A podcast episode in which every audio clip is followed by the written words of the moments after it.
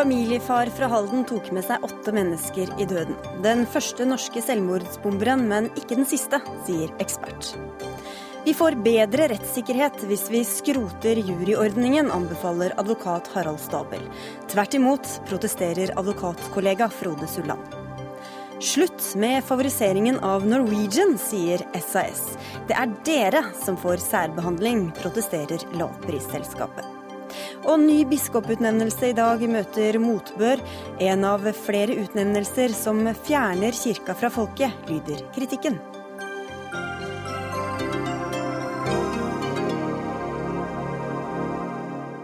Vel møtt til Dagsnytt 18 på NRK P2 og NRK2, hvor vi også får besøk av Ove Røsbakk, som ble kalt løgner og skandalemaker da han skrev at Alf Prøysen var bifil. Nå er forfatteren ute med ny Prøysen-biografi. Jeg heter Sigrid Solund. NRK har fortalt i dag om norsk-somalieren som tok med seg åtte mennesker i døden da han sprengte seg i lufta i Somalia i mars i år. Familiefaren fra Halden er den første norske selvmordsbomberen. Han bodde i Norge mellom 2005 og 2012, og mens han var her ble du kjent med ham, Mohammed Abdi Dahir. Du er leder i den somaliske foreningen i Halden. Hvilke holdninger hadde han da du kjente ham? Han var en grei far. Eh, familiefar som eh, nesten alle kjente her i Halden. Så det ble et sjokk når eh, vi hørte første. Og vi kunne egentlig ikke trodd at, at det var den vi kjente. Og det, det ble sjokk og trist at uh, til slutt at, at, det ble han som eh, vi trodde. Han var grei pappa, mann som alle andre, som var uh, uh, skal jeg si, holdt på å integrere seg i, i landet. Snakket han noe om Al Shabaab eh, som han sluttet seg til og så gjennomførte dette angrepet for i det hele tatt? Nei. Sånn holdning som eh, har kommet frem, har vi aldri, aldri eh, hørt om han. Verken uh, når han var her, eller når kanskje han flyttet til Oslo. Så plutselig hørte vi at han døde i, var cellepunkt i Somalia. Det kom som sjokkmelding for oss alle som bor her i Halden. Du sier at han var opptatt av å bli integrert og av det norske, og han støttet også Arbeiderpartiet. Er det noe du kan tenke på som kan gi noe svar om hvorfor han ble radikalisert? Nei, det blir vanskelig å, å si hva er det som fikk han til å dra nedover og sprenge seg i lufta. Det er helt uforståelig for oss, og det har ingen svar. Men jeg kan si om litt om eh, når han bodde i Halden. Han var, han var med å starte vår eh, eh, somaliske forening i Halden, og han støtter Arbeiderpartiet. Og, selv satt jeg på kommuniststyret, representant for Arbeiderpartiet, og han støtter meg som person og Arbeiderpartiet, og det er riktig. men mm. det som han fikk til å sprenge seg, var helt uforståelig, og ingen som kan gi svar. Så, mm. de som bor i alle fall i Halden. Førsteamanuensis ved Universitetet i Ås, Stig Jarle Hansen, du er ekspert på gruppa Al Shabaab, som altså rekrutterte denne mannen. Eh, hvor overraskende er det at det var nettopp de som rekrutterte Norges første selvmordsbomber? Jeg syns ikke det var så overraskende, jeg. For det er en del som har dratt nedover og slåss. Og eh, de ga Danmark sin første selvmordsbomber. De ga USA sin første selvmordsbomber også, så de har gjort dette her med en del andre vestlige land før oss. Eh, så for meg så var ikke dette her så overraskende. Han har gitt et intervju hvor han sier at han ville angripe byen Bulo Burde i Somalia fordi soldater fra Den afrikanske union hadde erobret byen fra Al Shabaab da, eh, like før. Eh, en norsk somalier, hvor eh, tilfeldig var det at Al Shabaab benyttet nettopp ham, tror du? I forhold til en selvmordsaksjon så er det enkelte fristende ting med å benytte diasporamedlemmer eh, som har kommet tilbake til Somalia. Vi har sett at eh, Shebab har brukt da eh, diaspora i selvmordsaksjonene sine. Hva er diaspora, hva er det for noe? Eh, de kommer utenfra. Eh, først så har de dratt til andre land, så har de bodd i andre land, og så drar de tilbake til Somalia for å slåss. Og det er to grunner til det. Altså, den ene grunnen er at eh, det er ikke nødvendigvis at disse som kommer tilbake for å slåss, nødvendigvis er tilpasset militæret militærlivet lenger. I Somalia så har det jo vært kamper veldig lenge, så det er folk som kan håndverket. Det er militssoldater som har slåss veldig lenge, som er vant til slagmarken. Så det kan rett og slett være at uh, disse som returnerer, er mer ubrukelige i praktisk kamp, og da er det lettere å bruke dem til sånne ting som selvmordsaksjoner. For da, eh, da er det ikke så viktig om de går, eh, for å være kynisk, om de går dukken. Det andre er at de er mer synlige, rett og slett. Det, det gir ekstra status når du kan ha en selvmordsvideo eller en eller annen terrorvideo hvor det står en eller annen og snakker prikkfritt i et annet språk, eller som sier at han er fra et annet land. Dette viser internasjonale kontakter på en måte. Og i tillegg til det så vekker det oppsikt og skaper oppmerksomhet. Men hvordan vet Al Shabaab hvem de skal henvende seg til, og hvordan de skal få kontakt med folk som de vil bruke da i denne kampen? Det har vært uh, veldig mange forskjellige veier inn i Shabaab. Men noen ganger så vet ikke Shabaab hvem de skal snakke med. Noen ganger så er det disse personene som henvender seg til Shabaab. I Norge så har det vært snakk om i hvert fall ett tilfelle hvor det var uh, en form for vekkelsesmøte, hvor det kom folk opp fra Gøteborg bl.a. For, for å prøve å rekruttere. Mm. Så noen ganger så må du ha nøkkelpersoner og fikse det. Andre ganger så er det faktisk disse her som gjennom f.eks. internett opparbeider seg en holdning og aktivt søker ut de som kan hjelpe dem i å dra nedover. Høre med deg, Mohammed Abdi Dahir, hvis du fortsatt er med. Vet du om det finnes noe radikalt miljø i Halden? Nei. Vi har ikke I alle fall som jeg vet, så har vi ikke faktisk noen eh, som har ekstrem holdning her i eh, byen vår. Jeg håper at det ikke kommer heller. Mm. Så det har vi ikke. Hva vet du om det, Sigurd Lansen? Eh, det vet at det har vært en viss aktivitet eh, for et par år siden. Eh, det har vært folk som har reist eh, til Somalia og slåss for Shebab etter at de har vært med på vekkelsesmøter i, i, i Halden, hvor det er faktisk folk som har kommet opp fra Göteborg. Eh, det kan være lokka miljøer, så jeg vet ikke helt hvem som vet at det eksisterer i, i Halden, men det har, vært, eh, det har skjedd før. Nestleder i justiskomiteen på Stortinget, du sitter der for Høyre, Anders Werp. Han er altså Norges første selvmordsbomber. Hva betyr dette for oss? Vi har passert en grense når vi fikk dette bekreftet uh, i dag.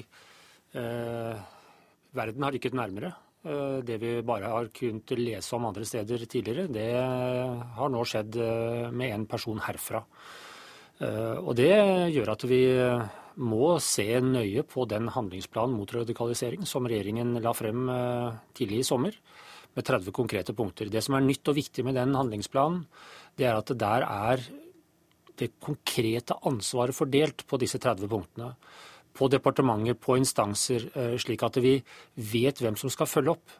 Eh, så, gir antageligvis ikke den alle svar, men det er en start på, på å, å, gripe fatt i, i dette. fordi dette sjokkerer oss alle sammen. Men her var det jo altså ingen tegn til radikalisering, i hvert fall ikke som han viste overfor de menneskene som var rundt ham. Hvordan skal man da vite hvem man skal, eh, hvem man skal ikke altså, henvende seg til? Nei, dette var jo tilsynelatende en godt integrert eh, person. Eh, I hvert fall slik vedkommende presenteres i dag. Og, og mennesker er forskjellige. Eh, man kan leve dobbeltliv eh, uten at noen, selv i den nærmeste krets, merker det. Det kan vi aldri eh, forhindre helt. Men vi må i hvert fall ha et, en, en, tilnærming til det fra samfunnets side, fra familiens side, fra arbeidsplassens side, fra skolens side, som gjør at vi, vi ser etter tegn, har et system som vet vi, at vi vet hvem vi skal snakke med og om dersom vi ser at det er en utvikling hos enkelte til å, å, skli ut i det radikale. Hvor lett blir det arbeidet Jarle Hansen, hvis folk ikke viser det utad hva de holder på med? Det blir vanskelig. Altså, for oss så burde dette være en vekker. Det er sånn at du kan faktisk være ganske godt integrert i forskjellige organisasjoner og være radikal samtidig. Det er sånn at du kan spille fotball og faktisk være radikal samtidig. Eh, det vi må følge med på, er fora som er litt segregerte, eh, hvor du kan se indikasjoner på at et eller annet foregår som nødvendigvis nødvendigvis ikke er eh, fora som vi går til normalt. altså Vi må være veldig oppmerksom på hva som skjer i mer lukkede fora. Det er veldig viktig. Det som også er viktig, og det tror jeg eh, det dere har gjort har vært et eh, steg i riktig retning, det er at ingen av instansene i Norge blir stående alene. At vi ser dette her som et samlet problem. Når f.eks. PST får en indikasjon på at noe går i gal retning, så er det sånn at det er ikke bare nødvendigvis PST som blir stående alene. Da kommer kommunene inn, da kommer forskjellige kommunetjenester inn. og da kan man også dra veksel på diasporaorganisasjoner og til og med diaspora-religiøse ledere. Det er viktig at vi står sammen her. Men du tror ikke at dette blir siste gang vi hører om en norsk selvmordsbomber? Det tror jeg dessverre ikke. Det får bli de dystre avslutningen på denne saken. Tusen takk skal dere ha for at dere kom til Dagsnytt 18, Stig Jarle Hansen og Anders Werp. Og også tusen takk til Mohammed Abdi Dahir, leder i den somaliske foreningen i Halden, som var med på telefon. Dagsnytt 18 alle hverdager klokka 18. På NRK P2 og NRK2.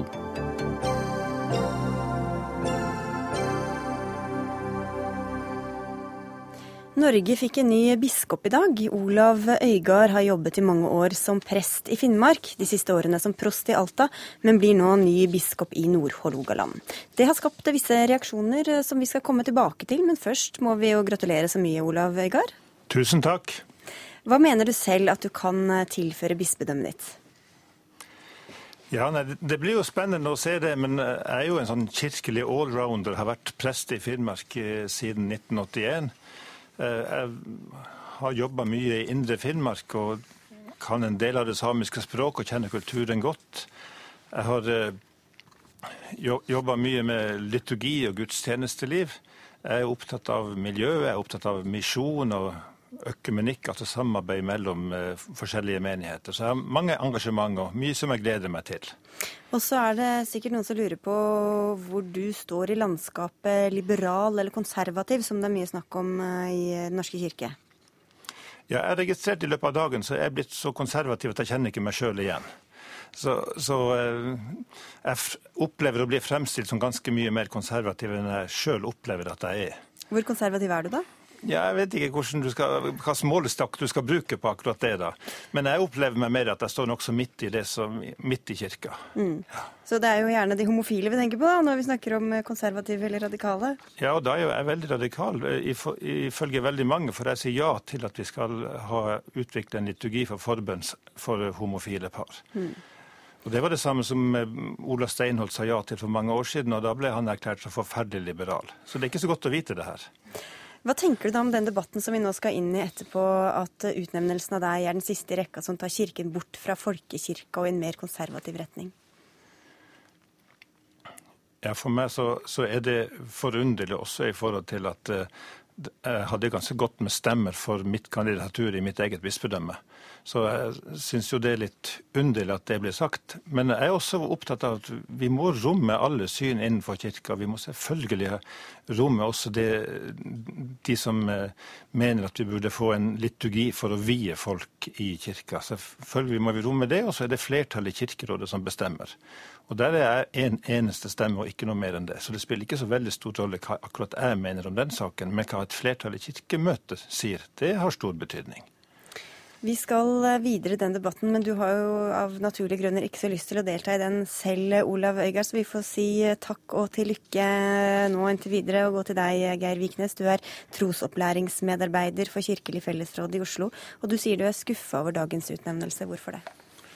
Jeg er skuffa og um, begynner å bli litt uh, tvilende på hvor kirka egentlig vil hen.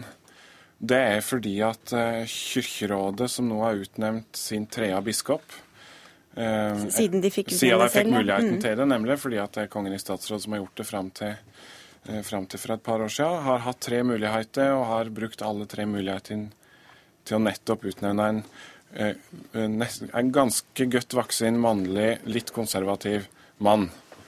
Um, selv om han selv mente han ikke var så konservativ? Nei, og det, det, er for så vidt, det er for så vidt eh, veldig ålreit. Jeg har ingenting imot mot Øygard. Og det handla i prinsippet ikke om han, men om Kirkerådet, som med minst mulig margin igjen utøver et veldig rått flertallsdiktatur og ikke evner å ta inn over seg at kirka har brei, ei breidde og et mangfold som er nøyd til å ta inn over oss. Og For å være eh, en del av folkekirke, så mener jeg at eh, store deler av folkekirka ikke blir sett og hørt og tatt på alvor når Kirkerådet for tredje gang Eh, går og, og, og f.eks. ignorerer en godt kvalifisert kvinne på andreplass. Som, som hadde fått nest flest eh, stemmer lokalt, og som var på topp i bispekollegiet. Mm. Så dette der er et mysterium for meg. Vi får høre med deg, Svein Arne Linde, du er leder i Kirkerådet, om du kan løse dette mysteriet? Ja, Jeg vet ikke om det er et mysterium, men eh, det er jo etter en demokratisk prosess i Kirkerådet, og for så vidt òg gjennom alle disse avstemningene som har funnet sted. Jeg har lyst til å kommentere det som ble sagt her, og det går på at jeg mener at vi har et bispekollegie som speiler hele denne bredden som blir etterlyst. At denne bredden knyttes opp til tre, de, de, de, tre siste tilsettingene, syns jeg blir litt rart. Vi må jo se på det samla lederskapet i kirka, hva det står for, og da er iallfall bredden sikra. Det er tre av tolv som er kvinner. Hvor god bredde er det, syns du? Nei, altså Kjønnsbalansen den eh, har blitt noe dårligere. Det innser jeg. Og vi, har, vi jobber hardt for å få tak i gode kandidater til, til eh, tilsettingene. Og, og, det er jo slik at kjønn er et av, et av de punktene som er, som er drøftet og, og veier betydningen av, men kan ikke bare være det som skal overstyre alt annet. Ja, og det er jo det som er så pussig at uh, Linde og jeg har så kommer ut på så ulik kant, fordi at jeg er helt enig i at det er noe til takast highlightlige vurderinger. Og en av de highlightene er jo nettopp f.eks. det som handler om, eh, om kvinneandel. Hadde dette vært et off bispemøte, vært et offentlig styre, så hadde det brutt loven fordi det er bare 25 kvinneandel. Det er ikke 40 engang. Jeg syns det er uh, veldig sørgelig at de, at de jobber så mot å gjøre kyrkja, i alle ledd representativ. Det gjør kyrkja trengere, opplever jeg, å ikke ha ei kirke hvor alle uh, i bredda i folkekyrkja kan identifisere seg med en biskop. Men utover det med kjønn, da, hva er det du savner blant de biskopene som sitter der i dag, eller de som er blitt eh, utnevnt de siste årene, da? Jeg savner en større bredde både i alder, i kjønn og i eh, f.eks. det som handler om, om, eh, om, samlivssyn, men det er ikke bare det. Det er f.eks. slik i dag at vi har et bispekollegium som kun kommer fra én til tre læreinstitusjoner. Vi har tre læreinstitusjoner blant eh, eh, som, som utdanner prester i Norge. Og Det har vi hatt i lang tid, og det er likevel ikke slik at mer enn den ene er representert i bispekollegiet. Så det er veldig mange ting her som jeg syns er som ikke taler til for å styrke tilliten til, til Kirkerådet i denne omgang. Linde, hvor, hvor, eh, Du sier dere har en bredde, men hvor mye ja. tror du de appellerer til andre enn de som er helt sånn den harde kjernen av menigheten, de biskopene som dere har utnevnt? Det tror jeg, jeg tror de appellerer bredere enn det det blir framstilt som her. Ehm, for å ta Olav Øygarden, så sier han eh, i sin egen presentasjon at det er ikke de rette meninger som forener oss i kirken, men det er troen på Jesus Kristus. Og Det tror jeg veldig mange vil være enig i. og mange vil oppleve i Nord-Hålogaland bispedømme at den nye biskopen er så romslig som han nettopp presenterte seg som her, nemlig det at han ønsker å være biskop for alle, og de som er meningsmotstandere av han i dette spørsmålet som blir, som, som blir fokusert på. Men det handler ikke om han. Det handler om hele kirka. En biskop er mer enn biskop for lokale ja. folk, og han er biskop for hele kyrkja. Ja. Og da mener jeg at det er da når vi ser et, eh, en en tendens på denne måten, så er det veldig lite tillitsvekkende. Ja, Da vil jeg bare replisere og si at eh, som jeg sa innledningsvis her, at vi må se bispekollegiet under ett, vi må se hele kirkeledelsen under ett. Og òg Kirkerådet f.eks. Det representerer hele bredden i dette synet. Det viser òg avstemmingsresultatet her, at her var det ulike vektinger på ulike egenskaper hos, hos eh, kandidatene. Da må vi få inn flere her. Kjersti Toppe, du er stortingsrepresentant for Senterpartiet, og du var en av tre som stemte nei til ny statskirkeordning ordning da Stortinget behandlet saken for drøyt to år siden. Og Den gangen advarte du mot å gi slipp på folkekirka. Hva sier du i dag? Nei, det er vel Denne diskusjonen er vel den diskusjonen som jeg frykter den gangen Stortinget vedtok at, eh, at eh, statsråd ikke skulle utnevne biskopene. Eh, og jeg var og er opptatt av at vi skal ha ei brei, åpen og inkluderende folkekirke i, i Norge. Og jeg syns den praksisen som vi har hatt, der òg statsråder til slutt var med og valgte hvem som skulle eh, bli biskop, eh, var en, en, god praksis som nettopp sikrer det som jeg hører nå en debatterer, hvordan få et bispekollegium som representerer det mangfoldet eh, som vi er ute etter, slik at folk flest føler seg inkludert og ivaretatt i den folkekirka som vi skal ha. Anders Tyvand, du er medlem av kirke-, utdannings- og forskningskomiteen fra Kristelig Folkeparti. Hvor fornøyd er du med den utviklinga kirka har hatt de siste årene? Ja, jeg er først og fremst fornøyd med at eh, det nå er Kirkens medlemmer som kan få velge sine ledere. Jeg mener det er et viktig prinsipp eh, i et trossamfunn. Og jeg er veldig tilfreds med at det ikke lenger er politikere som sitter og, og, og utnevner biskoper. Spiller det da noen rolle hvem de utnevner? Eh, nei, altså Som politiker så, så, ønsker ikke jeg å ha noen mening om eh, de valgene som, som Kirken tar gjennom sine demokratiske organer. Hvorfor skal egentlig politikerne legge seg opp i hvem Kirken selv velger som sine egne ledere, Kjersti Toppe? Eh, nei, i, i, prinsippet så kan det synes som at det var en, en, en, en regel som var, gammeldags, men praksis viste at eh, det var en, regel og en praksis som var god, som fungerte, som hadde stor tillit, og som sikra eh, den breie folkekirka. Men slik det er nå, så er det helt rett.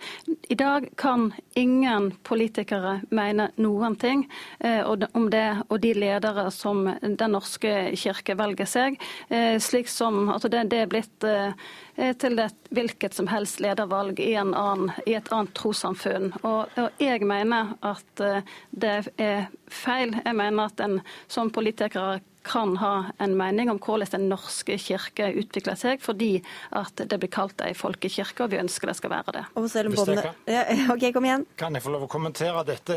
Dette er jo noe av det som var så gledelig med grunnlovsendringen som kom i 2012, og som en følge av det, nemlig det at, at Den norske kirke som et trossamfunn skal få uh, utnevne sine egne ledere, tilsette sine egne biskoper og proster. Det er et prinsipielt viktig spørsmål. Uh, sånn at jeg, jeg kan ikke forstå at politikere politikerne skulle ønske tilbake den myndigheten det ligger i å tilsette. Og jeg mener at Kirkerådet ivaretar i det vide og brede dette med en bred og åpen og inkluderende kirke ved sine tilsettinger. Vi må se ting i sammenheng og ikke øve sånn kritikk på enkelttilsettinger. Her må en se på f.eks. bispekollegiet i en, i en, i, som et samla kollegium. Men du vet, Linde, dette vet du sjøl er veldig feil. fordi at hvis vi hadde hatt et kirkeråd som vi har i dag, på 90-tallet, så ville vi aldri fått Rosemarie i køen. Vi ville aldri fått Stålsett. altså Vi ville aldri fått de milepælene i bispekollegiet som har virkelig drevet fram ei utvikling i positiv retning. Og du vet veldig godt at det som eh, det, Selv om jeg ikke vil tilbake til at statsråden nødvendigvis skal utnevne biskopene, så er dette flertallsdiktaturet du bedriver. Det er veldig langt unna ei, ei inkludering av mangfoldet i kirka. Fordi Meninga med hele forliket var jo også at kirka skulle bli mer demokratisk. Og hvor demokratisk syns du den er blitt, Tyva? Ja, jeg mener at vi har et stykke å gå her, fordi eh, vi ser at oppslutningen på, eh, på demokratiske valg i Kirken foreløpig er for dårlig. Eh, men jeg syns det er veldig vanskelig å kunne si at vi hadde ikke hatt disse biskopene dersom medlemmene selv fikk velge. Fordi det har vi ikke prøvd ut. Medlemmene har blitt litt passifisert fordi vi vet at det er politikere som har tatt disse valgene. Men hvilken Også, utvikling syns du det virker som vi får i kirka, da? Jeg syns det er litt for tidlig å si noe nå om hvilken retning Den norske kirke tar. Og så mener jeg at nå kommer vi til å kunne se at noen steder så vil Kirken ta én retning, annen, et annet sted så vil Kirken kanskje ta en annen retning, fordi medlemsmassen er ulik eh, fra sted til sted. Og når det gjelder dette med kjønnsbalanse, eh, så er det klart det, Jeg ser også at det er en, en, en utfordring som Den norske kirke har. Det har man ved demokratiske valg, fordi da har man ikke alltid en eh, full kontroll på hvem som velges. Sånn er det også på Stortinget. På Vestfoldbenken så er vi seks eh, menn og én kvinne. Det er jo det som er så hakkende galt. ikke sant? Og det Jeg har sett i et studio før og sagt at det skal ikke være forskjell på mulighetene dine innenfor Den norske kirka som medlem, om du bor i Oslo eller om du bor i Tromsø. Og nå er det det.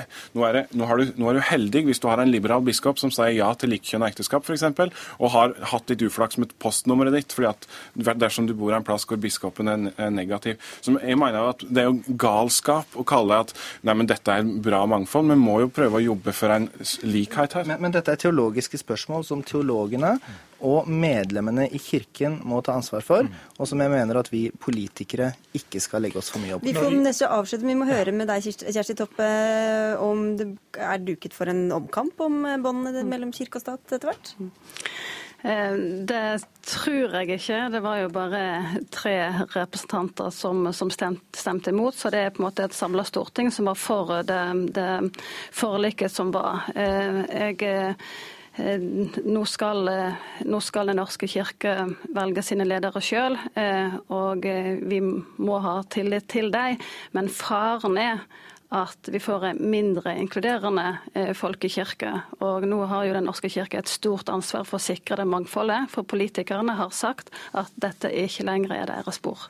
Så får vi se om noen år Ja, jeg hører du vil veldig gjerne inn helt på slutten. Ja. Det får bli kort. Ja. ja. jeg vil bare si at vi skal sikre at de demokratiske prosessene ligger til grunn for de valg vi gjør òg i tilsetting av biskoper.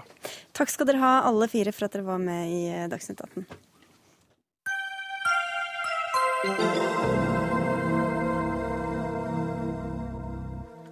Snart møtes Norwegian og SAS her i Dagsnytt 18 for å diskutere hvem av dem som får mest særbehandling, men før det til et eh, stadig aktuelt juridisk spørsmål. Nemlig gir juryordningen bedre eller dårligere rettssikkerhet? Det er blitt debattert i Dagbladets spalter de siste månedene, senest i et eh, kronikkinnlegg i dag. Juryer i Norge avgjør som kjent om den tiltalte er skyldig eller ikke i enkelte alvorlige straffesaker, og består altså av vanlige folk uten juristutdanning.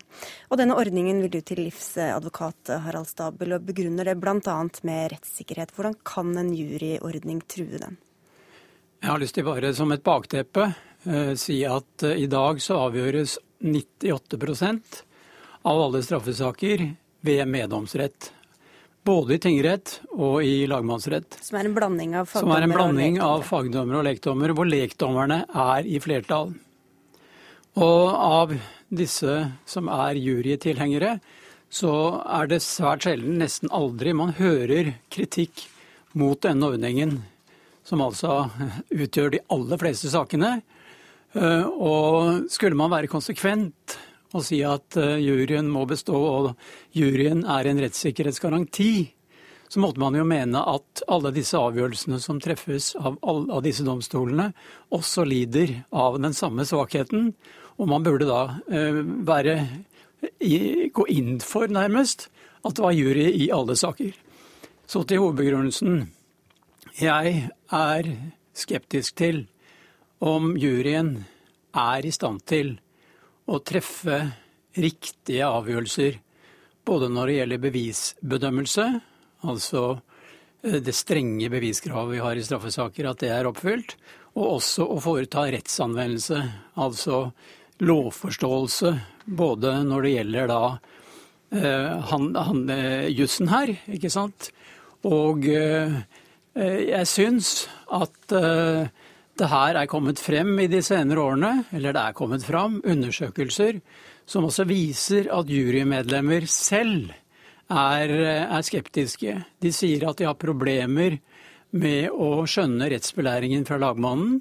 Og de sier også at eh, jurymedlemmer de sitter sammen med, er preget ofte av fordommer, forutinntatthet osv. Og, så og dette er undersøkelser som er foretatt av en 17-årig tidligere lagdommer som tok doktorgraden på å snakke med 100 jurymedlemmer. Og, og på bakgrunn av dette så blir man enda mer skeptisk enn eh, man for så vidt eh, har vært tidligere til om dette er en ordning som kan opprettholdes, istedenfor å gå over til meddomsrett som man har i de andre sakene. Da skal vi høre fra han som sparket i gang denne debatten nå på sensommeren, eh, advokat eh, Frode Sulland. Eh, hvor godt egna er en jury til å avklare og avgjøre i sånne kompliserte saker?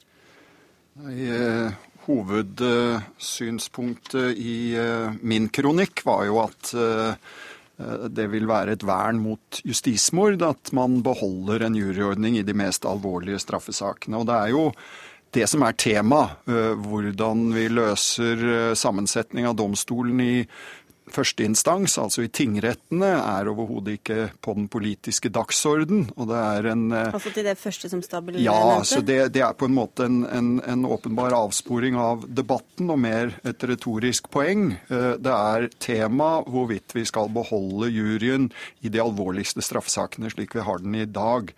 Og den undersøkelsen som eh, Harald Stabel viser til, for så vidt gjelder eh, jurymedlemmenes uttalelser og holdninger. Jeg bare tar dette veldig raskt. Så er jo den kommentert i dagens kronikk fra lagdommer Anders Bøhn, hvor han viser til at det offentlige utvalget som eh, for et par år tilbake avga en utredning om juryspørsmålet, jo avvist å tillegge denne undersøkelsen overhodet vekt, fordi den hadde ikke faglig holdbarhet. Altså Det er ikke grunn til å si at juryer, at juryer blir påvirket av hverandre eller har preges av fordommer, eller eh? Man kan nok ha mange oppfatninger om det, men undersøkelsens eh, faglige holdbarhet ble underkjent ganske, ganske klare ordelag. Men men hva er det ved en jury som gjør at, at, man trenger en jury i en alvorlig straffesak, og ikke en meddommer, meddomsrett eller utvida meddomsrett kan gjøre samme nytte? Det grunnleggende og enkle svaret på det er jo at øh, det er mange forhold som tilsier at juryen håndhever et strengere beviskrav. Og det er jo i de aller fleste slike straffesaker, enten det er drapssaker eller ransaker eller voldtektssaker som går for juryer, så er det et bevisspørsmål som står sentralt. Hvem begikk drapet? Var det samtykke til voldtekten? Eh, hva var det egentlig som skjedde? Hvem brukte et våpen under ranet? Og disse faktiske bevisspørsmål er det sikre holdepunktet for at eh, lagretten, altså de legedommere, håndhever et strengere beviskrav. Det viser statistikk. Det viser erfaring over tid. Det viser enkelttilfeller. Og jeg tror det er vanskelig å bestride, og det er det også lagmann Bøhn understreker i sin kronikk i dag, at det eh, må man ganske klart kunne legge til grunn. Og da er det dette med at det er bedre at ti skyldige skal gå fri enn at en uskyldig blir dømt, eh, Harald Stabel? Jo da, det er, det er selvfølgelig riktig. Men dette er jo eh, lagdommerne, altså de juridiske dommerne, fullstendig klar over. Og det som er mitt poeng, er jo at Eh, jurymedlemmene vil trenge, og det ser jeg også i de enkelte sakene, de vil trenge å bli veiledet. Og de stiller mange spørsmål underveis til fagdommerne. Ikke minst av eh, juridisk karakter. Vanskelige spørsmål som dukker opp. Det er også vanskelige spørsmål eh, når det gjelder bevisvurdering. Utviklingen har vist at det nå er i større grad kompliserte tekniske spørsmål rundt eh, avlytting, rundt telefonkontroll. Det er biologiske eh, undersøkelser, eh, DNA. Altså spørsmål som lagretten har åpenbart behov for å kunne diskutere med fagdommerne. Juryen, altså lekdommerne, vil jo være i flertall. De kan godt være, hele, kan godt være ti stykker, men de må jobbe sammen med fagdommerne for å få svar på de spørsmålene. Og det viser seg at det å sitte og jobbe helt alene, det er en, en, stor risiko. Man vet jo ikke hvor stor, og man vet jo ikke helt hvilke avgjørelser ja, som ville komme. For, nettopp, og da er man over på den begrunnelsesproblematikken. Ja. At hvordan kan man vite Sulan, at, at jurymedlemmene faktisk har forstått hva det er de sitter og, og, avgjør? Retorisk kan man jo spørre tilbake hvordan kan man vite at fagdommerne har forstått. Eh, dette med bevisbedømmelse er jo ikke noe som fagdommere har noen bedre skolering i enn eh, vanlige folk. Det er ikke noe del av vårt studium, og undersøkelser viser at det er faktisk ikke noe man blir flinkere til med årene, selv om man jo gjerne vil tro det. Og det er vel en del av kjernen i dette, at man opplever Altså hvilke vitner man tror på og sånne ting? er det det for eksempel det. Og at uh, fagdommere de blir jo veldig vant til at tiltalte er rett mann på rett plass. Og man oppøver det jeg har kalt en toleranse for tvil gjennom årene, som gjør at man jo gjerne vil ha tillit til at man er god til å skille mellom skyldig og ikke skyldig, og dermed lettere trekker en konklusjon som da kan være uriktig. Men fordi dette er jo altså at juryen er på en måte snillere enn de fagdommerne, men hvordan vet du at ikke de bare veier feil, og at rett og slett mange skyldige går fri etter en jurybehandling? Ja, det kan være. Men det får da være den omkostningen som et slikt system må ha. Det viktigste er å oppstille problemstillingen hvilken sammensetning av domstolen er det som sikrer oss mot uriktige domfellelser. Og det vi ser er jo i den statistiske eh, tallene om dette, så har jo fagdommerne en adgang til å tilsidesette avgjørelser, og de tilsidesetter altså et langt større antall av fellende kjennelser enn frifinnende. Et uh, ytterligere problem det er jo at juryen ikke begrunner sin uh, avgjørelse. I 1995 så fikk vi den bastarden som vi har nå, som er helt unik. Ingen andre land har tingrett som førsteinstans. Og så kan den tingrettsdommen overprøves av eh, lekdommere uten begrunnelse. Og det er et, også et stort problem for den enkelte som blir domfelt. Jeg erfarer stadig vekk at uh, mine klienter stiller spørsmål med hvordan er det mulig at jeg fikk to og et halvt år i tingretten med en grundig eh, dom og begrunnet eh, meget omfattende, og så får jeg 18 15 år i lagmannsretten med et ja. Hvordan kan vi da vite at den avgjørelsen der er, er riktig, og hva er begrunnelsen for at man får en helt annen dom, en helt annen bevisvurdering og eventuelt rettslig vurdering enn det tingretten kom til. Det er stort, en stor svakhet ved juryordningen, og den blir enda mer tydelig når man har en begrunnet tingrettsavgjørelse i bånn. Og Det er også et stort spørsmål som ikke vi har helt tid til, men du kan få svare kort. Ja, veldig, veldig kort. Ja. Det er en, en, lang diskusjon man kan ta om det temaet alene. Jeg tror uh, hovedpoenget er at dette lar seg veldig greit løse, og det er gitt anvisning på mange enkle løsninger dersom man mener at begrunnelse er så viktig. Men jeg tror nok det er avgjørelsen, er du kjent skyldig eller ikke skyldig, som er viktigst for de aller fleste, også for rettssamfunnet. Jeg tipper du har noen innvendinger der, Harald Stabel. Vi får bare ønske dere velkommen tilbake. Vi kom sånn en tredel ut i sakskomplekset, tror jeg. Takk skal dere ha for at dere kom til Dagsnytt 18, Frode Sulland og Harald Stabel.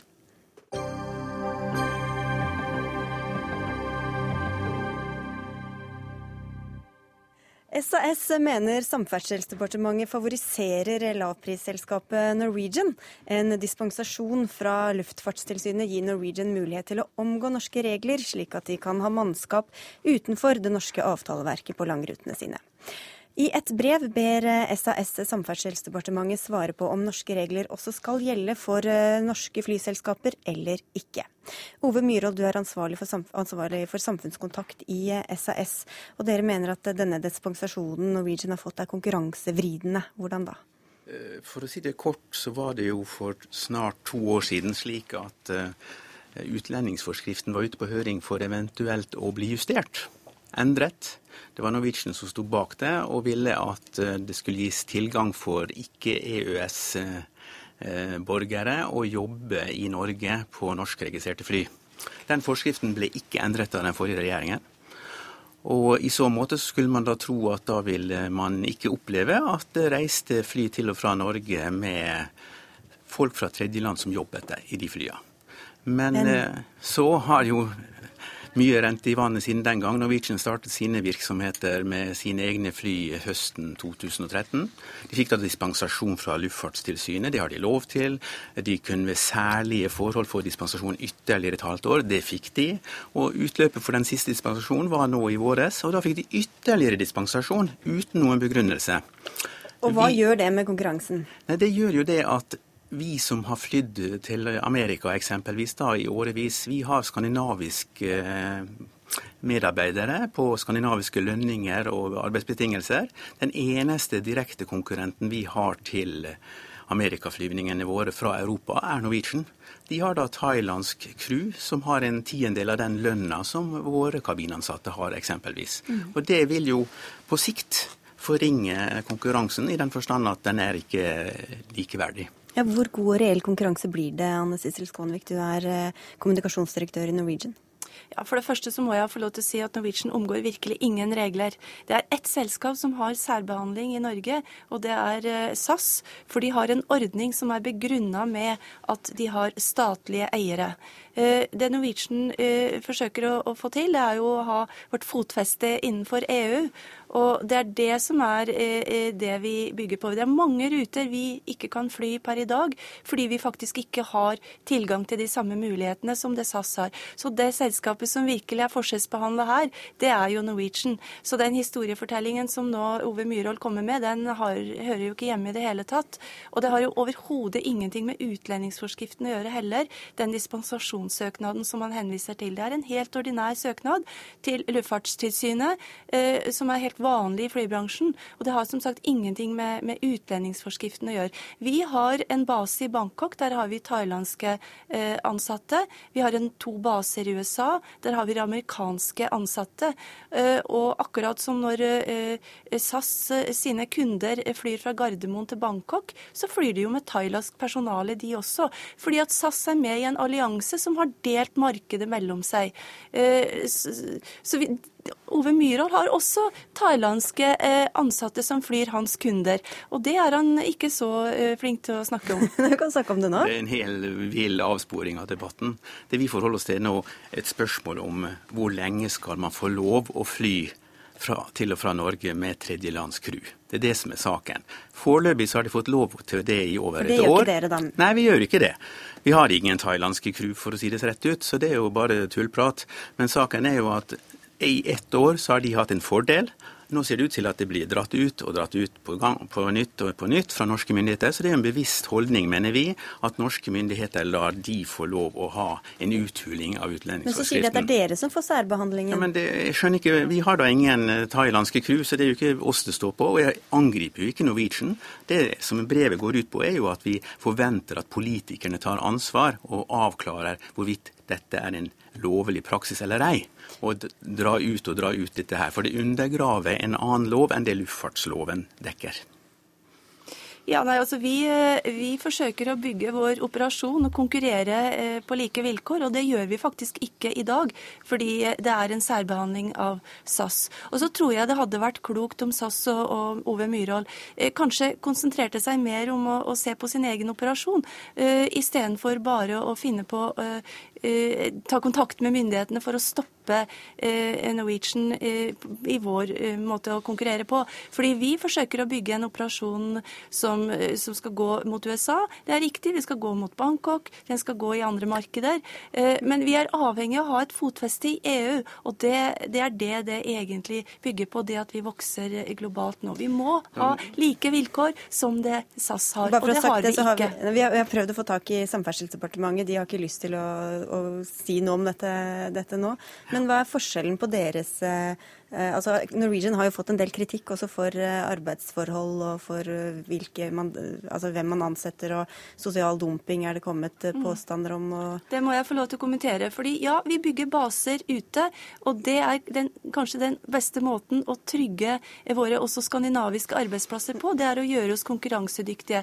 Og vi er for få folk i Norge, vi er for få folk i Skandinavia til å drive en god flyoperasjon. Men Ønsker dere å ha skandinaviske ansatte blant kabinansatte og flyverne? Selvfølgelig. Vi har en ma masse skandinaviske eh, kabinansatte, og de ønsker vi å ta vare på. Hver eneste en. Men for å være konkurransedyktig globalt, så må vi bygge en operasjon også utenfor Skandinavia. Og betale lavere lønninger, da? Vi betaler lokale, konkurransedyktige lønninger i ethvert marked vi er etablert. Akkurat som andre norske selskaper gjør når de er etablert utenfor Skandinavia. Vi eksporterer ikke skandinavisk lønnsnivå, vi betaler lokale, konkurransedyktige vilkår. Ja, dere eksporterer thailandske lønnsvilkår inn i Skandinavia. Og Når det er sagt, så snakker Anne Sissel Skånvik her om at de har en disadvantage i forhold til SAS. SAS er et skandinavisk flyselskap. Vi er faktisk et EU-flyselskap. At Norge ikke er medlem i EU, det kan ikke SAS ta ansvar for. Da får jo heller Norwegian etablere seg i EU, da. Det vi hele tiden påpeker, er forholdene for de ansatte, og at det er like vilkår for flyselskapene som business å kunne tjene penger på like vilkår. Og Når det er tigangen i lønnsforskjell mellom en thailandsk crew og et skandinavisk crew, så er det jo klart at det på sikt ødelegger konkurransen. Men er det aktuelt for dere da å begynne å operere på samme måte? Det er ikke en ønsket politikk fra vår side å undergrave det norske eller det skandinaviske velferdssamfunnet. Men hvis vi, politikerne mener seriøst at det er veien å gå, ref. andre bransjer, så er det jo en konsekvens av det før eller siden. Men vi ønsker ikke å gå den veien, så det har vi ingen planer om. Jeg er stygt redd for at arbeidsplassene i Norwegian er minst like trygge som de er i SAS i fremtiden. Dersom SAS sin linje eh, følger denne linjen som, som Ove Myhrvold nå skisserer, nemlig bare å gå etter konkurrenter på den måten de nå gjør, eh, klage til myndigheter istedenfor å gjøre seg konkurransedyktig globalt. Men Du mener de er ute etter dere? ja, det er jo helt åpenbart. Og det ser vi jo også i USA, hvordan de har eh, henvendt seg til amerikanske myndigheter. Hvor dere fikk nei for, for å, stoppe, å holde på sånn? Å, ja, de har henvendt seg til amerikanske myndigheter for å stoppe Norwegian. Det er en måte å, å, jobbe på som er ganske fjernt for oss. Men, men det, er måten SAS, det er måten SAS gjør det på. Og nå er de, nå er de på norske myndigheter og, og, og hakker på oss der, istedenfor å, å se på hvordan de sjøl kan bli konkurransedyktige mot globale aktører. For det som er faktum, er jo at vi, vi sliter jo alle med en enorm konkurranse som vi får utenfra. Og hadde vi to kunnet konkurrere oss imellom i Skandinavia, så hadde det vært én sak. Men vi er i en global global eh, eh, bransje, og vi må se, tenke globalt. Vi er nødt til å avslutte, men du skal få en siste kommentar til denne Saken er at eh, betydningen av at tre samfunnskontakter i henholdsvis Norge, Sverige og Danmark har påvirkningskraft, sånn som det sies her, overfor amerikanske myndigheter, det er jo å gi oss en veldig god kred. Saken er at SAS har ikke drevet lobbyarbeid, verken i USA eller i Norge, men vi vet nemlig at den konkurrenten her de driver en veldig aktiv lobbyvirksomhet for å få sine ting igjennom. Det, det vi vil konkludere med, er at vi vil bare ha like vilkår. Så enkelt er det. Og det vil vel dere også, så er dere litt uenige om hva de Vi vil definitivt ha like vilkår. Og da kan jo norske myndigheter starte med å se på den spesialbehandlingen som SAS får, fordi at de har statlig eierskap. Vi får håpe Samferdselsdepartementet kommer på banen neste gang, og si tusen takk for at dere i hvert fall dukket opp begge to i studio. Det er jo en sjeldenhet at vi får dere til å møtes, virker det som i hvert fall. Anne Sissel Skånevik fra Norwegian og Ove Myhrvold fra SAS. Takk. Hør Dagsnytt 18 når du vil. Radio NRK.no. Og snart spør vi hvorfor det skapte så mye bruduljer da det ble kjent at Alf Prøysen antagelig var bifil, men først skal vi tilbake til den kirkelige sfære. For hver fjerde kirke i Norge står og forfaller. Det viser en ny rapport fra Kirkelig arbeidsgiver og interesseorganisasjon. Dermed bør eh, mange norske kirkebygg avviksles og heller brukes til andre formål, foreslår dere i SV stortingsrepresentant Torgeir Knag Fylkesnes. Hvorfor er det en god løsning? Vi har sett de siste 20 eh, årene at det har vært en kolossal nedgang i bruken av norsk kirke. Mange steder så er kirka eh, står den tilnærmet ubrukt, eh, og mange menigheter sliter med å skape aktivitet. og Det er en trend vi har sett over lang tid. Eh, og Da er det på tide å tenke nytt, når vi da samtidig også ser at forfallet på byggene eh, er i, fritt fall. Eh, så trenger vi å tenke nytt både på hvordan vi organiserer disse kirkebyggene, eh, og hvordan vi får organisert vedlikeholdet, sånn at vi får eh, fine bygg til, til åndelig virksomhet. Ja, Til hva? Hvis ikke de skal være gudshus, hva skal de brukes til? Vi mener rett og slett at la eh, de kirkebyggene som er lite i bruk, bruk dem heller til eh, også til andre trosretninger, enten det østlige eller, eller andre kristne. Eh, til humanetiske eh, seremonier. For vi vet at disse er grupper som, som i dag sliter med å finne seremonirom, samtidig som kirka har mange. Og I tillegg så mener vi at man, kun, man kan tenke dette som forsamlingshus, der man, der man uh, bruker kunst- og, og, kulturaktører, bringer dem inn for å skape liv i kirken. Og da, Det vil være bra for både lokalsamfunnene, det vil være bra for uh, kirkebyggene, skape liv der. Og så vil det skape, få rett og slett flere aktører inn som kan være med å drifte og skape vedlikehold av byggene. Anders Skyvan fra Kristelig Folkeparti får ønske deg velkommen tilbake. Det falt ikke i sånn fryktelig god jord hos deg, dette forslaget?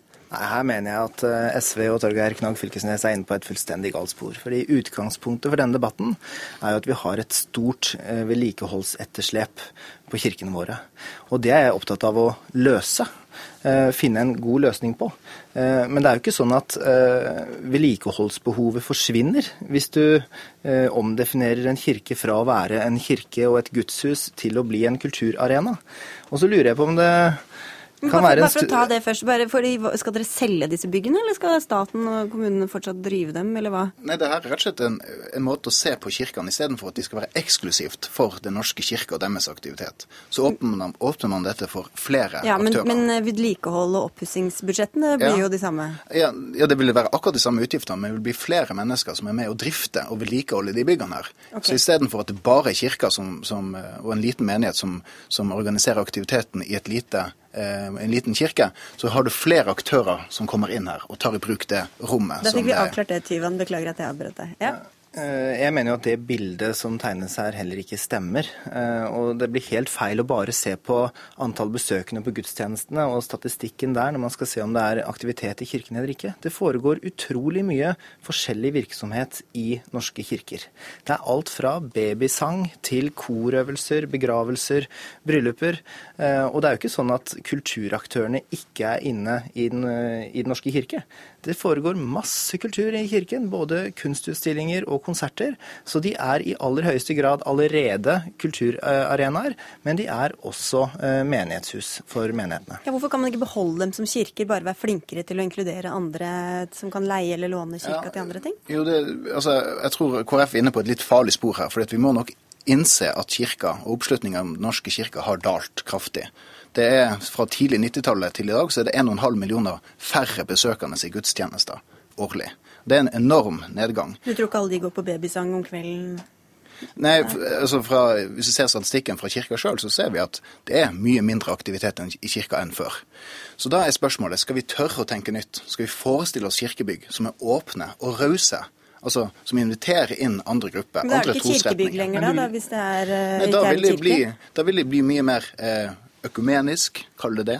Samarbeid mellom forskjellige typer kristne retninger. Eventuelt tverrreligiøst. Hvis det er noe vi virkelig trenger i vår tid så er det jo samarbeid mellom religionene, istedenfor at de skal eh, ha sine bygg her, sine gravlunder her. Så det her er rett og slett en mulighet for oss å tenke litt åpent og, og, og raust omkring disse byggene. Vi har enormt mange av de i Norge. Vi trenger å bruke de. Jeg er helt enig i at andre trossamfunn også må få muligheten til å få seremonirom. seremonirom. Det er veldig viktig. Uh, men jeg tror at uh, Fylkesnes her eh, undervurderer fullstendig den posisjonen Den norske kirke har i det norske samfunnet. Det er veldig veldig mange som har et forhold til kirken på stedet sitt, selv om de kanskje ikke deltar på gudstjenester. Og det handler jo om at de har en historie med kirken sin. Det er kanskje der de ble døpt. Det er kanskje der de Eh, begravde sine besteforeldre eller foreldre fra. Og vi ser jo det når det skjer noe med kirken. Er det en kirkebrann? Så skaper det eh, vonde sår ja, men, men, i lokalsamfunnet. Hvorfor skal man betale mye penger for å ha tomme kirker stående hvis folk faktisk ikke bruker dem?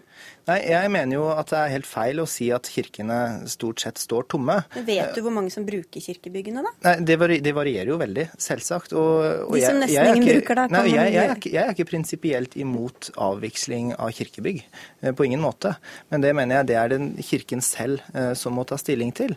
Og hvis de mener at det er eh, fornuftig fornuftig å legge ned menigheter eller slå sammen menigheter, De får jo mye penger fra staten for Å, Altså som, som, har et ansvar også ja, det, det, det, gjør også andre trossamfunn. For det er jo sånn at når Norske kirker får penger, så får også an, andre trossamfunn penger etter en fordelingsnøkkel. Hvordan skal dere, Hvilke kriterier skal ligge til grunn for hvilke kirker SV mener skal få bestå, og hvem som må gjøre noe helt annet? Altså, I første omgang er dette her en, en diskusjon eh, som vi ønsker å reise, og som også foregår i kirka i dag. Eh, og vi vet også i mange lokalsamfunn rundt omkring så er dette diskusjoner som pågår. At du har det, det flotteste bygget i lokalsamfunnet, er kirka, og der skjer det nesten ingenting, samtidig som man har annen aktivitet som sliter med å finne rom.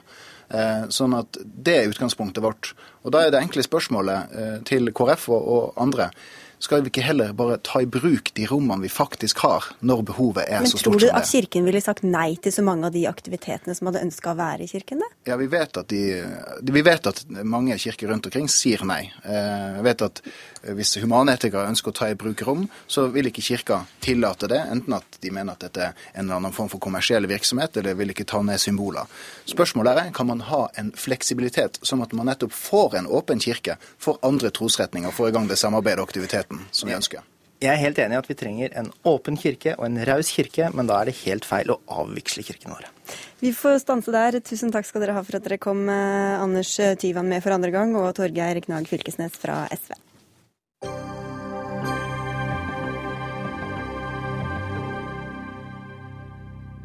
Han ble kalt løgner og skandalemaker da han i 2004 skrev at eh, Alf Prøysen var eh, bifil i en kronikk. Nå er forfatter Ove Røsbakk ute med en ny biografi om Prøysen, der han har tatt med opplysningene om at den folkekjære forfatteren og visesangeren hadde en dragning mot menn, noe som ble utelatt i den eh, forrige biografien. Forfatter Ove Røsbakk, velkommen til Dagsnytt 18. Tusen takk. Hvorfor lot du være å ta med disse opplysningene i den første biografien som kom da for en del år siden? Ja, først kom jo den situasjonen eh, vi da var i 1992 det har tross alt gått framover med dette spørsmålet om åpenhet om homofili på de 22 åra innimellom. Ehm, da mm, var det Det var jo før Kim Friele og Wenche Lowzow inngikk partnerskap, f.eks. Jeg hadde vokst opp i ei bygd eh, som heter Furnes. Eh, der var, det ikke et ord for, en, for slike ting. Det var bare noen stygge skjellsord. Vi pratet aldri om slike ting. Men du visste det allerede visste, da? Ja. Mm. Og jeg hadde gode kilder på det. Eh, men eh, sett i forhold til nå, så, så, hadde jeg lite kilder den gangen. Så jeg angrer ikke på at eh, forlaget Gyldendal og jeg gjorde den avgjørelsen da. Det gjør jeg ikke. Men det tok ganske stutt tid etter at boka var ute, at jeg begynte å bebreide meg sjøl at ikke dette var tatt med. For da kom det en hovedkilde som jeg hadde for boka, og ga meg nye opplysninger, og stadig nye opplysninger, i tolv år, helt fram til 2004, om dette her. Og ikke minst om sammenhengen uh, mellom Prøysens legning, mellom det han da måtte underkue i sin egen personlighet og sin egen kunst, og åssen han dikter. Så i 2004 fant du ut at nå var tida inne til å Ja, da var det 90-årsjubileum, og da skulle det lages en fjernsynsserie som fikk fryktelig mye fin omtale da den kom, oppunder jul 2004. Disse fjernsynsfolka oppsøkte meg, uh, kom med nye kilder, og vi ble mer og mer sikre alle sammen at det, det er jo slik. og så ble disse fjernsynsfolka og jeg enige om at jeg skulle sendes ut i stormen. Og jeg ble sendt ut i stormen, men da ble fjernsynsfolka spurt om de kjente til dette. Og plutselig så kjente de ikke til noen ting, gitt. Så både kilden min stakk av, kilden min stakk av, altså en hovedkilde som jeg nevnte i stad, som da hadde fått meg med opplysninger og skikkelig truverdige historier og skikkelig gode kilder, altså. Han, han, preger jo på mange måter denne boka. Han, mm. uh, han stakk av i første dagen etter uh, artikkelen min sto på trykk i Dagbladet i juni 2004. Og, og altså fjernsynsfolka stakk av. Så da sto jeg plutselig helt alene. Og Hvordan opplevde du da den stormen som du, som du beskriver? Jeg må, må, si at jeg ble ikke noe spesielt glad i media da. Det ble jeg ikke. Uh, og um, jeg følte at jeg levde i et slags bakvendtland der jeg, som da visste om dette her eh, grundig, og fortalte sannheten, jeg ble kalt løgner. Mens eh, mange av seg moralister som fløy rundt og brukte pekefingeren over at det var så fælt både for familien og det ene og andre, de ble framstilt som moralens voktere. Og der blir de faktisk, noen av dem enda, i denne sammenhengen. Ja, I dag var det et intervju med Ole Paus. Han var en av dine argeste kritikere for ti år siden. Vi har prøvd å få ham med i sendinga. Har, han ikke ønsket å uttale seg til NRK. Men han sier i dag at han visste at Prøysen var homofil, men at det var uinteressant. Det kan jo være flere som tenker eh, som ham. Hva, hva synes du om det? Ja, jeg har hørt dette argumentet. Men nå kommer det jo tunge opplysninger fra Ole Paus. At han på dødsleiet hadde en samtale med Alf Prøysen. Der eh, Prøysen sa det direkte til han. Og hvis det er sant, at dette har fått fått fra mediefolk som det er godt informert i de siste dager, eh, hvis det er sant at han har visst dette fra Prøysens munn, da lurer jeg all verden på Ole Paus har drevet på med i, i disse åra. F.eks. i, i, eh, i Dagbladet 13.07.2004 så ser Ole Paus helt på trynet. Dette er helt på trynet. Jeg vet ikke hvorfor Røsbakk gjør dette. Det øker i alle fall ikke interessen for Prøysen. Det eneste han oppnår, er å gjøre levende pårørende ulykkelige. Men det jeg da visste, var at de pårørende hadde visst om dette her. Så, så jeg, jeg, jeg syns at det er en moralisering. Han, han, har en annen kunnskap, en annen innsikt. ikke sant? Nå har jo ikke Ole Paus jeg vet jo ikke hva han ville sagt til det her. Vi har jo prøvd å få tak i ham uten hell, men uh, nå nærmer vi oss slutten her. Men nå gir du altså ut disse opplysningene i den nye biografien om, eh, om Prøysen. Tror du verden er klar for å høre dette nå på en annen måte enn du ja. var da for flere år siden? Ja. Og I ti år så har jeg vært satt regelrett på indeks ta av Prøysen-miljøet i Norge. Jeg har ikke hatt et eneste Prøysen-oppdrag, så å si jeg, fra 2004 til høsten 2009. Men jeg har hatt så mange møter med unge homofile som har sagt at, at den debatten og det som har vært brakt på bane da, det har betydd noe for oss. Og det har vært vakre møter. Verden har kommet videre.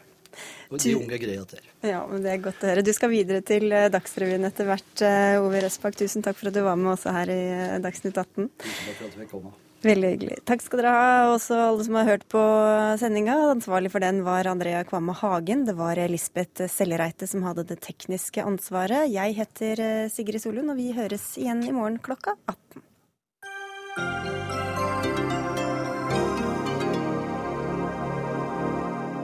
Hør flere podkaster på nrk.no podkast.